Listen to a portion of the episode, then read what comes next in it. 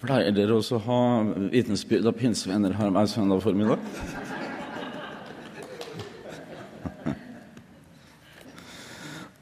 Når Karune snakker om korset som et øvelsessted, så dreier det seg om den bibelske sannheten. Han øver seg til å komme til Jesus med det gamle mennesket. Så det korsfestes, og en oppstår i Kristus og får del av nye livet. Man øves i det. Det er en helliggjørelsesprosess, og det kan også influere på selve kjønnsidentiteten. Som dere hører, så har jeg dårlig stemme. Jeg var voldsomt syk på, syk på tirsdag og onsdag, så jeg lurte på om jeg måtte avlyse alt. Det slapp ikke når jeg dro heller, men jeg tok sjanse på å, å dra hit. da. Guds kraft kan være virksom i skrøpelighet. Jeg har fått en kraftig halsbetennelse og så har jeg en stemmelidelse fra før oppå det hele, så det blir liksom sånn dobbelt for meg. Så jeg må være litt varsom med stemmen, da. Og så er det så godt å være blant bergensere, for de er jo, de, de er jo så smålåtne, så Sier så lite sånn. Nei, tvert imot så er det en befrielse at jeg er blant folk som at å snakke en del. Jeg kan spare stemmebånda. Så det er mye verre om jeg skulle vært oppe i Gudbrandsdal og så holdt eh, koken sjøl. Sånn.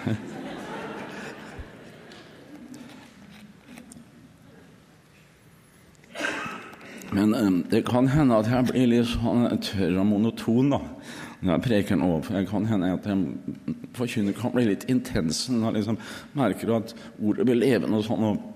men nå, nå blir, det, blir, det, liksom eh, sperrer på det hele. Også. Det kan jo Gud bruke, det òg. Og fortelle om Hans Sverre Fjelstad reiste i Misjonsforbundet, egentlig. En sindig, rolig forkynner, og ikke en som liksom uh, gikk sånn i høydene. Så Det var fellesmøter et sted mellom pinsevenner og bedehuset. Og Sverre skulle være taler da, og de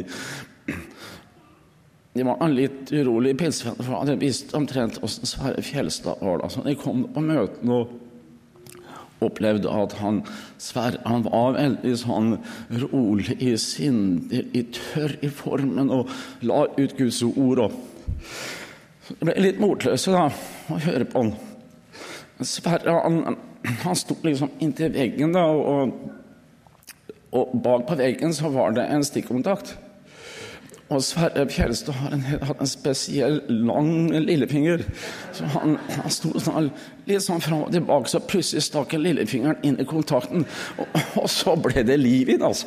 Så, og pinsevenn, pinsevennene, de ropte halleluja, og det var liksom Så møtet ble reddet. Amen.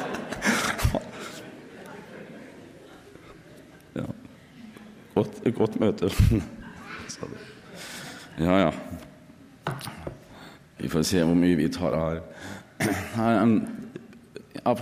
Jeg vet at I byforeningen så er man litt nøye med at man ikke preker så lenge. og Det er ikke så lett å få en østfolding hit også. Men, men dere kjenner dere gamle Olaf Hallen Senstad var en ordentlig høvding teologisk kapasitet omtrent på linje med Carl Fredrik Wisløff. Og han sa det slik den forkynner som tror han kan preke evangeliet på under en halvtime, er håndmodig. Det har med det at uh, Hvis man skal forkynne evangeliet, så må også loven og avslutning komme inn. Det er ikke lett å bare pirke borti folk og preke evangeliet på en halvtime.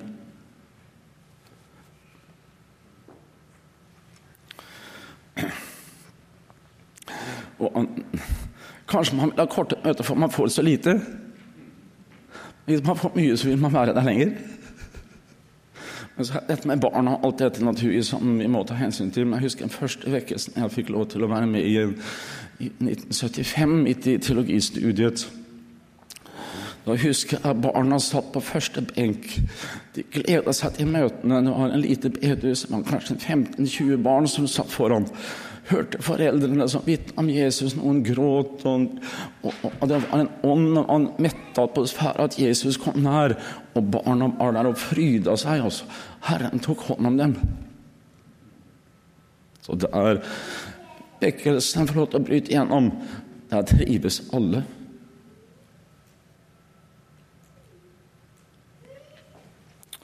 La oss be. Herre Jesus Kristus, takk for det du har gitt oss allerede her gjennom vidunderlig sang og åpning, Kari Unes vitnesbyrd om korset ditt, Herre, særlig Jesus Kristus. Og be at du Din Hellige Ånd må få åpenbare sannheter for oss som vi trenger, Herre.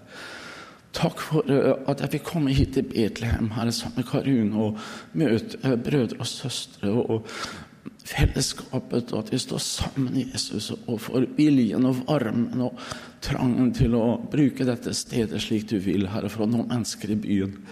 Herre, jeg ber at du med din godhet må komme imellom oss, Herre. Du som er født i Betlehem, Herre, vil du også føde det nye livet ditt på nytt i oss oppstandelseslivet, Herre, må du fylle dette rommet din ånd, Jesus. La oss få erfare vekkelse og fornyelse, her. Og vil du også røre stemmen min? Jeg ber om at den holder de nærmeste minuttene. I Jesu Kristi navn. Helbred meg gjerne. Amen.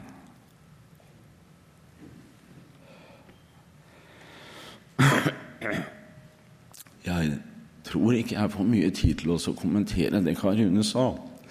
Men litt må jeg si.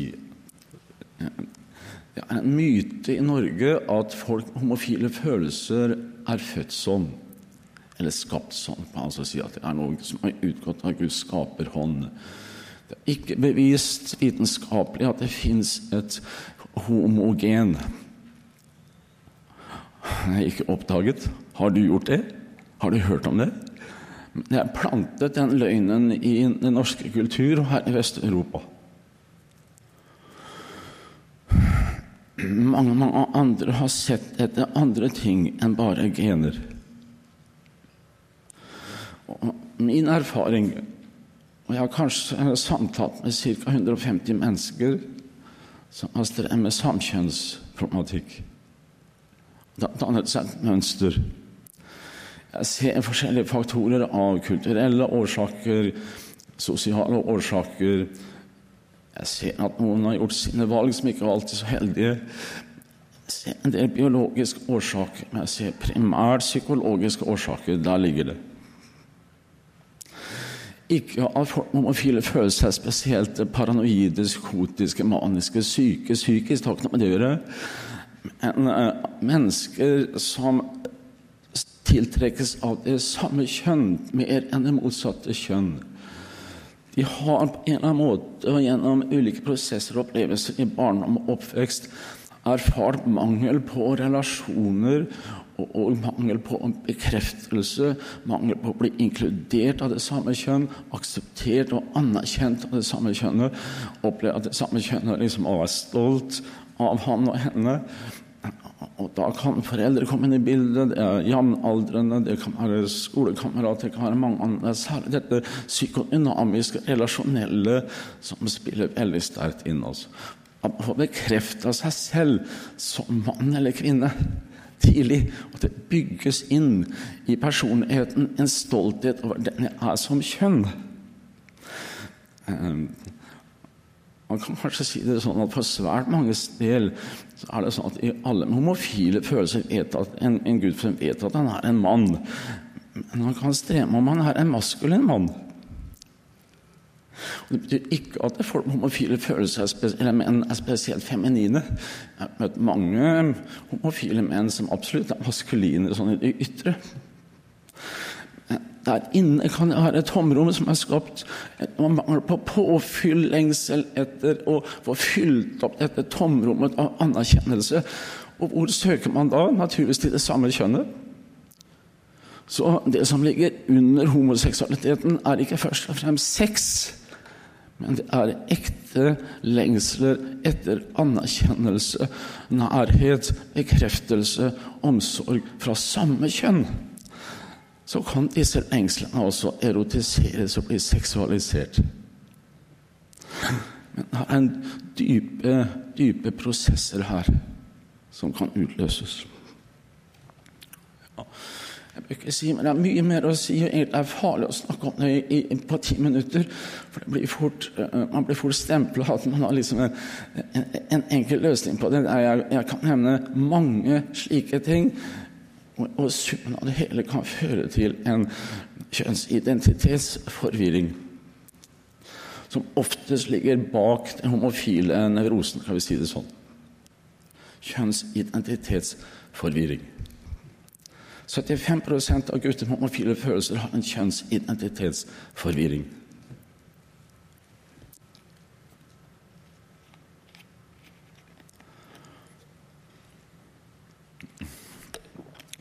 Det hadde ikke vært så lett å ha uh, Bergens Tidende her andre nå foran på første benk med journalister og blafrende lys og styr.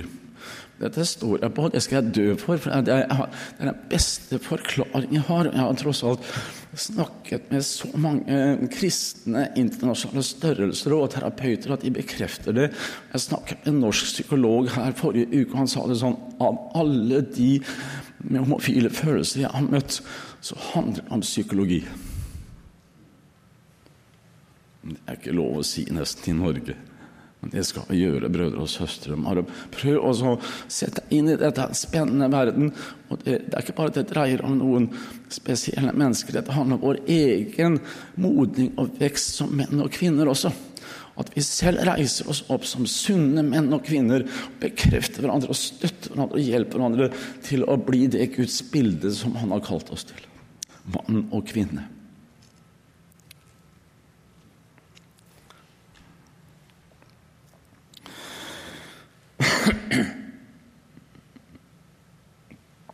Ja Nå skal jeg få til en fin overgang nå, da, til en from bibeltekst. Ja, det, det kan man si.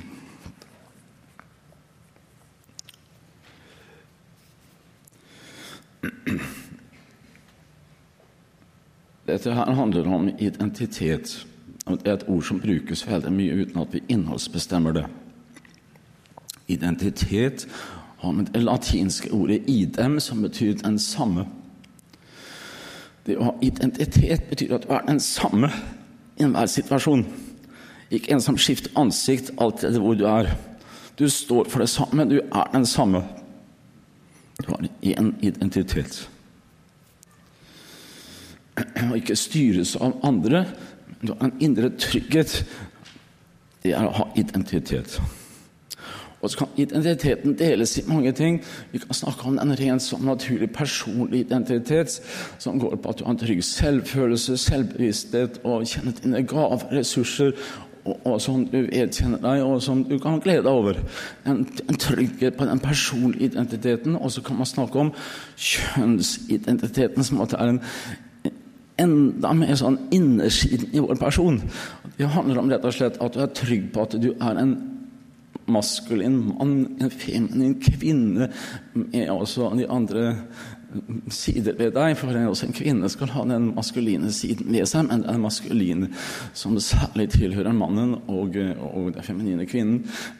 Men begge har begge dimensjoner. Det, er, det, som har med kjønnsidentitet det handler først og fremst om å være trygg i at jeg er en kvinne. En vakker kvinne. Jeg har ressurser, jeg har gaver. Gud har gitt meg noe som eh, ikke en mann har. Og mannen har noe spesielt som kvinnen ikke har, og sammen skal vi komplettere og utfylle hverandre. Er vi flinke til det, søsken? Er vi flinke til det mellom oss?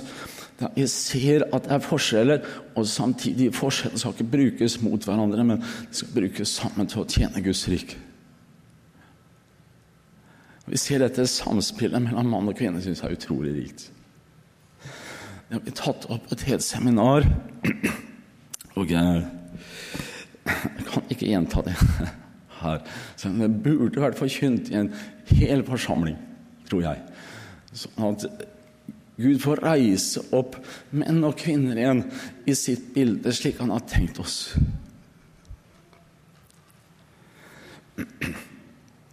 Og så kan vi snakke om den åndelige identiteten, som er den høyeste, største form, den vi har i Kristus, slik Faderen ser oss. Ikke sant? Der vi ser oss selv i lys av frelsesverket og korset, ren og rettferdig, himmelen verdig. Det er den høyeste form for identitet. Og gleder meg over det. Ja, og det skal jeg si litt mer om, konsentrere meg om. Jeg vil si det sånn at du får ikke identitet ved å lete etter det i deg selv. Du får det dypest sett ved å lete i Ham. Det sanne mennesket inni oss er utadrettet. Det falske jeget er innadrettet. Det ser inn i seg selv og leter i seg selv i sine gaver og ressurser, mens det sanne jeg søker ham utad. Som C.S. Louis sa det, denne kjente litteraturprofessor, kristne kristendomsforsvareren, sa det slik. En gigant som hadde mye innsikt i det med mann og kvinne, forresten. Kanskje mer enn de fleste har hatt i forrige århundre. Han sa det slik. Du finner ikke det sanne selvet ved å lete etter det, men ved å se på ham. Se på ham. For da ser du inn i øynene. Da ser du inn i Jesus som tar imot deg, elsker deg. Da skjønner du hvem du er. Tenk på bare en sammenligning. Et barn som vokser opp til en sammenheng uten å ha fars og mors varme øyne rettet på seg. Det var jo, det var jo barnehjemsbarn i Romania som fikk føde og mat sånn ytre, men fikk ikke det blikket, den varmen og kjærligheten fra øynene. Noen av de barna døde ikke av underernæring, men av emosjonell underernæring. Jeg, jeg tror det ligger noe her at vi trenger å løfte øynene mot ham, mot Jesus, mot Faderen. Hmm. Tenk deg når du fra korset, du vet at Jesus bærer dine synder. Og eh, du får komme til Jesus med alt du er og har. Han tar opp i seg. Og så åpner han en dør til Faderen, og så tar han deg med innenfor Guds ansikt. Og så får du for første gang åpne troens øye, og så ser du så som med troens øyne. Ikke klart, men med troen. Du ser en Fader i det høye som Fader og omsorg for deg bærer, og så ser du øyne som stråler mot deg som sier 'Du er min sønn, du er min datter, i hvem jeg har velbehag'. Det gir identitet.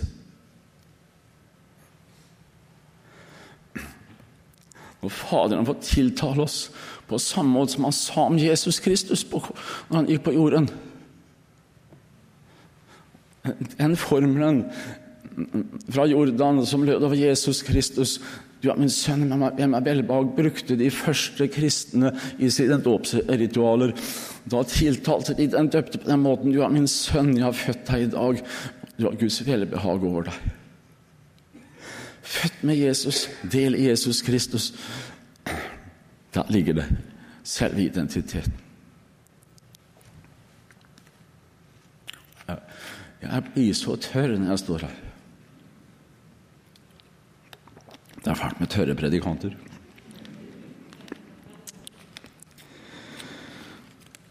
Men så er det to sider som må balanseres så langt jeg kan skjønne ut fra Guds ord. For at vi skal eh, komme fram til en sant syn på, på hvordan Gud ser på oss, må vi vite åssen vi er i oss selv. Så jeg bare minner deg, uten at jeg kan gå inn på alt det, jeg minner deg om at eh, en kristen er et merkelig dobbeltmenneske. Synder og rettferdig, har vi lært i vår lutherske tradisjon. Synder og rettferdig. Og det er så sant. Jeg er en synder. Og jeg synder her jeg står på prekestolen. Da snakker jeg ikke om ytre synder som har med banning, seksualitet og stjerning og synd og sånn En kristen kan falle i det også, men man lever ikke slikt. I en slags synd, selv om man kan falle i det. Kan streve med fristelser. Jeg snakker om den verste synden av alle, som du også er del i der du sitter. Du elsker ikke Jesus.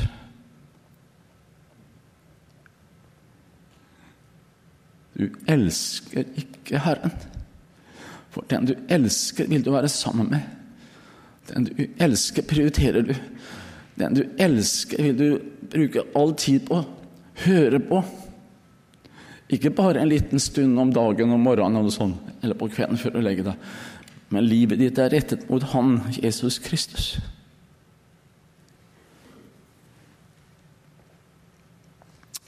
Og eh, der sitter det veldig mye at ikke vi helt vil innrømme det.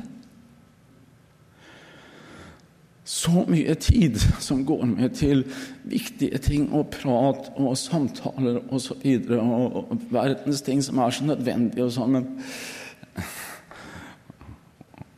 hvorfor får Jesus liten tid med deg? Hvor er den første kjærligheten som Efesus-menigheten mangla? Den første kjærligheten kjennetegnes ved at det er bare Jesus. Gi meg Jesus, bare Jesus, sang de her. Det handler om Jesus. At det er Jesus. Opptatt av Jesus, snakke om Jesus hvis man er i en sammenheng der det prates om alt annet, og det ikke nevnes Jesus, og kjenner denne kjærligheten til Jesus, at den lider. Og Samvittigheten kan være som et øye som, som reagerer på det minste rusk hvis det kommer mellom meg og Jesus. Og, og En har så lyst til å fortelle andre om det en har sett av Jesus. Fordi en har møtt ham, erfart ham og smakt ham. Og Da kan det hende at du går på torvet på bryggen eller rundt omkring, så ser du alle de ikke-kristne, og så kan du kjenne på innvendig Kjære Jesus, mennesker kjenner ikke deg. Og så blir det gråt og smerte innvendig. Den første kjærlighet, brødre og søstre. Og sannheten om oss Det er så sant. Vi elsker ikke Herren. Og eh, det er en smerte i mitt hjerte, og jeg lengter etter dagen da jeg får en ny kropp, ånd, sjel og legeme. Der jeg skal elske Herren av hele Min kraft, hele min sjel, hele min forstand, all min hud og hele kroppen min skal være hans tempel. Og jeg skal elske ham med hver eneste hellige ny trevl i min kropp. Og jeg kjenner at det er krefter i meg som drar meg bort fra ham. Som gjør at jeg kan bli lunken. Verden og tingene, bekymringene, mye viktige ting, det gjør at jeg kan komme inn mellom meg og Jesus Kristus. Og så blir ikke Jesus så spennende lenger som han var i startfasten. Da alt var nytt og levende, og det var bare Jesus. Det er vekkelse. Og En kristen skal ikke bare leve i vekkelse når Marit Irene her i tre uker, og sånn, så skjer det noe. Det er ikke bare da det er vekkelse, men det er vekkelse hele tiden. Leve våken med Jesus Kristus. Varmt, nært, åpent med Jesus Kristus. Det må ikke komme mellom oss. Og som jeg sa til de unge i går det er en her inne som har bevart den første kjærligheten. Det er Jesus. Han elsker de som ikke elsker ham sånn som vi skulle. Han elsker meg likevel. Jeg er ikke kommet til veis ende. Jeg trenger tilgivelse for ikke mine synder bare, men også for mine beste gjerninger også for det fineste i meg. Troen min er ikke alltid sånn som den skal. Jeg stoler på ham for å hvile hos ham og støtte meg til ham. og sånn. Jeg trenger tilgivelse for hele meg og også mitt kristenliv, ikke bare den syndige siden av meg. Og Hvis ikke Jesus døde både for eh, mitt bønneliv, for mitt kjærlighetsliv til ham, for trosliv og for alt, hadde jeg ikke sjans. Min helliggjørelse holder ikke innenfor Gud som frelsesårsak og frelsesgrunn. Det må huske på, brødre og søstre. Og vi må leve ærlig med det er en spenning. Og Mange ganger som jeg bare jeg bekjenner ting en kan streve med livet. Men også kjenne på det at min kjærlighet til Jesus eh, kjølnes. Og dermed også kjærligheten til de ufrelste og trang til å gjøre godt mot mine medmennesker, den svikter. Da må jeg inn til Han som elsket meg først. Vi elsker fordi Han elsket oss først. Han holdt de først ute. Det er, det er sannheten. Da blir jeg fattig i ånden. Salig er de. Men kristen skal alltid være fattig i ånden. Det er ikke noe du vokser ifra det. Det er et tegn på modenhet i en kristen og en, en, en varm, moden, gammel kristen som opplever denne fattigdom i seg selv. Jeg har ikke noe å komme med, Jesus. Jeg kan ikke gi deg min helliggjørelse, mine bønner og noe. Det er ikke det som kan frelse meg, og som kan gjøre at du blir imponert, og at du vil ha meg inn i himmelen. Jeg må ha noe enda bedre enn det, Jesus. Jeg må ha deg, din første kjærlighet til meg, til korset. Det er det det handler om, søsken. Det er Jesus som må overta. For vi kan ikke produsere kjærlighet og nød for våre medmennesker og glød. Det er Jesus alene som både må være vår rettferdighet for Gud og min helliggjørelse og min forløsning. Og alt må bli bare Jesus igjen. For han elsker meg. Han tar mine synder opp på korset også de beste gjerningene mine som også trenger tilgivelse. Det tar han opp på korset og dør for alt. Han tar alt på seg og tar skylda for alt jeg har gjort og ikke gjort. Og når jeg tror på det, så gir han meg sin egen uskyld og rettferdighet og renhet. På korset er stedet der han bytter plass med oss, brødre og søstre. Han bytter plass. Han tar vår plass. Han, inntar den plassen der syndere skal være. Og han ble gjort til synd, til forbannelse. Den største synder på jord ble Jesus gjort til. Fordi han samler alle syndere i seg, han som er den rene rettferdige. Så dine synder er der. Alt er med. Ingenting er glemt. Hvorfor det? Jo, for å ta synden bort fra deg, ta den opp i seg, og så skal han gi deg tilbake gjennom ordet og troen sin egen, sitt eget liv sin rettferdighet. Alt dette blir ditt. Hører du det? Jesus ble behandlet som deg på korset for at du nå kan bli behandlet som Jesus.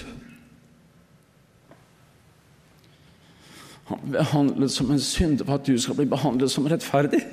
Når du tror på Jesus, blir du erklært rettferdig fordi du får dele Jesu egen rettferdighet. Han som tok på seg din urettferdighet. Ser du den bytte som skjedde på korset? Er det ubegripeligste og herligste sted av alle steder. Da er det Gud selv går inn i menneskers sted, og dommeren blir selv dømt for at vi skyldige skal bli frikjent. Og ikke bare frikjent, men til og med erklært rettferdig, akseptert rettferdig og blir betrakta som hellige og, og vakre og skjønne. Så nå, Derfor kan jeg spørre brødre og søstre er det noen rettferdige her. Er det noen hellige og rettferdige her? Jeg ser at noen nikker og tar imot evangeliet. Det er så godt å se at noen tror det. For de fleste kristne tenker nei, jeg er bare elendig, jeg er bare en synder, jeg er bare skrøpelig, jeg får ikke til noen ting, og andre er mye flinkere enn meg, og jeg, jeg er sånn og sånn og sånn. Og Det er liksom hele identiteten til så mange. Men har du sett på Jesus og sett at han har tatt på seg alt ditt og kledd seg med alt ditt, da tror du at han også har kledd deg med alt sitt.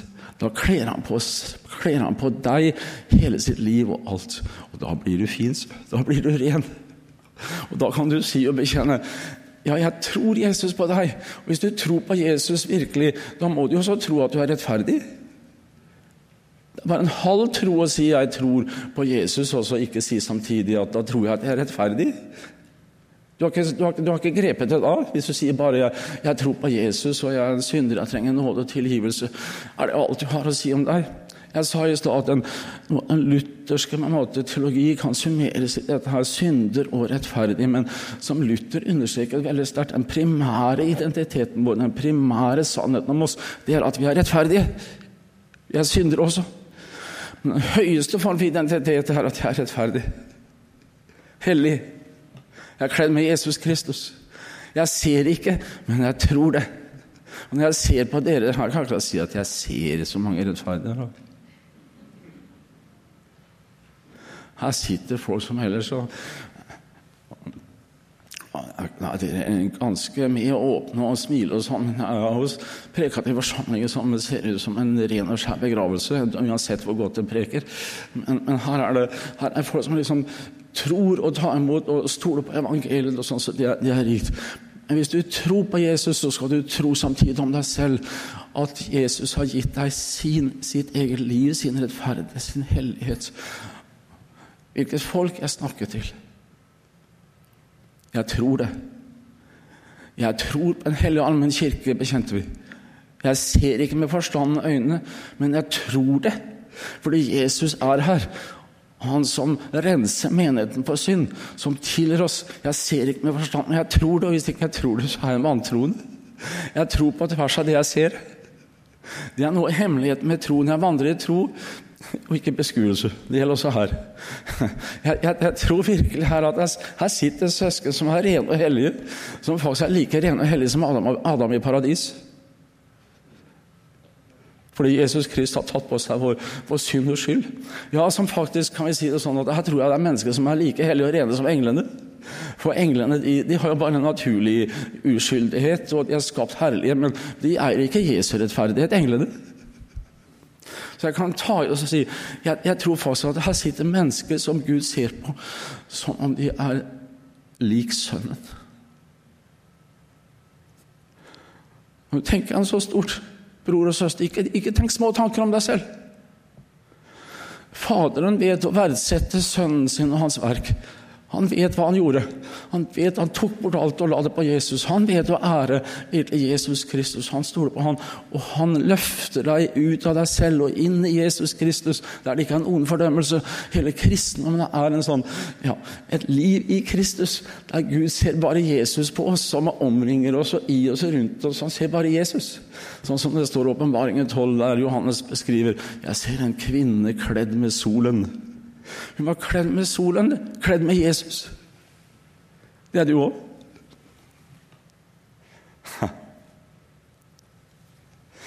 Ufattelig sannhet. Jeg vet ikke hvordan jeg klarer å uttrykke dette her noe stort bedre. Kanskje det, det, det går over på en måte min egen forstand.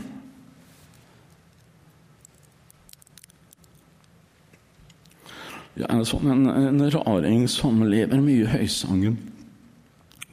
Ikke isolert, men jeg går fra Nytestamentet inn i høysangen. Og eh, Det hender ofte at jeg f.eks. stanser ved Høysangen 2, 14. Der brud, brudgommen sier til sin kjære brud, min du i klippens kløfter, i fjelltindens ly, min due i klippen Fint ord på bruden. Klippe du som brast for meg, jeg gjemmer meg i deg. Der er vi. Og så sier brudgommen, la meg se din skikkelse, la meg høre røsten din. Sier han. Har du tenkt at han sier det til deg? Har du noe skikkelse her å se på? Noe, noe, som Jesus kunne glede seg over? Ja, han ser sitt eget bilde, ser sitt liv og sin person som han har gitt deg, som bor i deg. Og da vil han se så å si seg selv i deg. La meg se skikkelsen din. Og, og, og, fra det så kan du få lov til å lese høysangen dette videre. Hvor vakker du er, min elskede. Tenk å si det om oss selv. Vi ser oss i speilet og syns vi er ikke vakre i det hele tatt. Her er det mye skrøpeligheter. Sånn i det ytre og til og med innvendig. Men du skal ikke bare lete etter sannheten om deg sjøl i et vanlig speil, eller lete i din forstand, men du skal lete i ordet som er speilet, som sier til deg Han som døde for deg, han døde for sin menighet, for å rense den ved sitt blod og gjøre den hellig og ulastelig uten lyte, står det i Efeserne 5. Uten lyte. Alle lyter og mangler er på korsen å få rynker og lyter og skrøpelighet som bare den. Jeg syns jeg var en pen mann i gamle dager, men nå, nå syns jeg begynner å forfalle. Jeg var like pen som deg.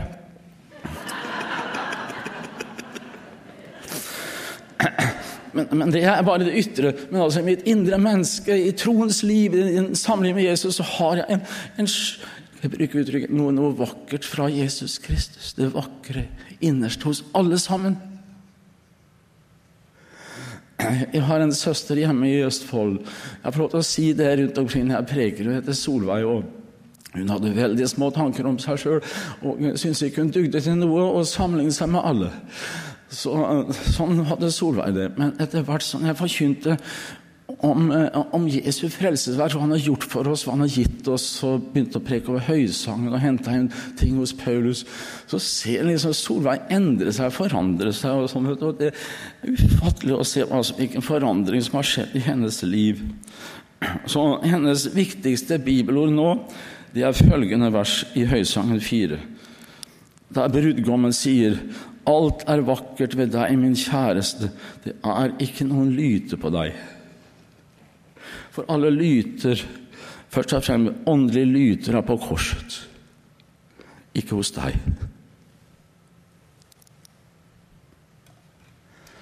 Tror vi det, søsken? Da ærer vi Jesus. Da opphøyer vi Jesus. Vi stoler på hans verk. Har gjort menigheten hellig og ren, fullkommen ved hans blod. Vi vet at i oss selv er det ikke sånn, så derfor kjenner jeg gråten over det. Men det er en dobbelthet vi lever i. Men det å tro, bibelsk sett, det er å se som Gud. Å tro er å se på oss selv som Gud gjør, som Han ser på oss i Sønnen. Det er å tro. Og da, da blir det annerledes, vet du.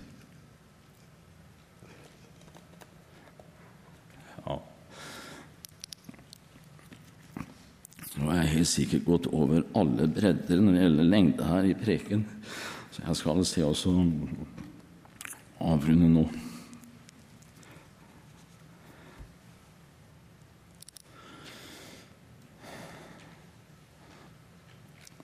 Ta med deg det også når du går inn til Jesus. Han har dødd for bønnelivet ditt også. Det er blitt helt fullkomment i hans blod. Selv om du syns at bønnen både er tørr og avspredt, så har han dødd for det også. Det er renset. Så kom til Jesus, snakk med han, og han, han gleder seg av å ha deg hos seg. Høre stemmen din. Ha deg inntil seg liksom også foreldre glede seg og fryde seg over ungen på fanget. Det er, det er, på en måte øh, den dimensjonen i gudsforholdet. Jeg er sånn en som kastes mellom liksom Faderens fang og Jesu favn, sånn, mellom sånn brudgom og barn, på en måte. Men vi får være begge deler. Og her sitter vi nå, altså, med hans øyne vendt mot oss, og er så kjære for ham at uh, kan jeg bare gjenta det som biskopen hjemme i gamle dager Det fantes noen bra biskoper før. Det kan hende at det fins en eller annen nå i dag òg, men, men å ha teologisk så er det mange her på jordet. Men altså, Jeg husker gamle Lislerud hjemme i Østfold. Han avsluttet en generalforsamling på følgende vis. Du var verdig å dø for. Hilsen Jesus Kristus. Enda vi er så uverdige, så ser Jesus også at vi var verdt å dø for. La oss be. Takk, takk, Jesus, at du har makta det mesterstykket, du som er mesteren, Herre. Å bære all verdens synd, alt det du hater, alt det som kan skille oss i all evighet fra deg. Ja, du tatt på deg på korset, her, og du ble knust for vår overtredelse. Vi priser deg for Jesus, at du har fjernet den skillemuren. Og så har du kledd oss med høytidsklær. Herre Jesus, så har du tatt av oss den gamle syndedrakten, så har du kledd oss med deg og kledd oss med det herligste som fins. Jesus, så får vi lov til å stå for deg, Herre. Ren og rettferdig og hellig og vakre og skjønne, Herre, og alt det som går an å si om oss. Du hjelpe brødre og søstre å leve i den sannhet, Jesus. Leve nær deg. Herre, fortsett å snakke med oss om at når du har gitt oss så mye som det, hvordan kan du annet enn gi oss alle ting sammen med deg? Gi oss også nøden, Herre, gløden, kjærligheten for de fortapte som ikke kjenner deg, Jesus, Herre. Det ber vi om. Velsign stedet, Herre, og pastoren, Herre, og lederne, Jesus, og de unge, Herre. Jesus Kristus, må du slå dine armer rundt hver og en og trykke oss inntil ditt hjerte. Amen.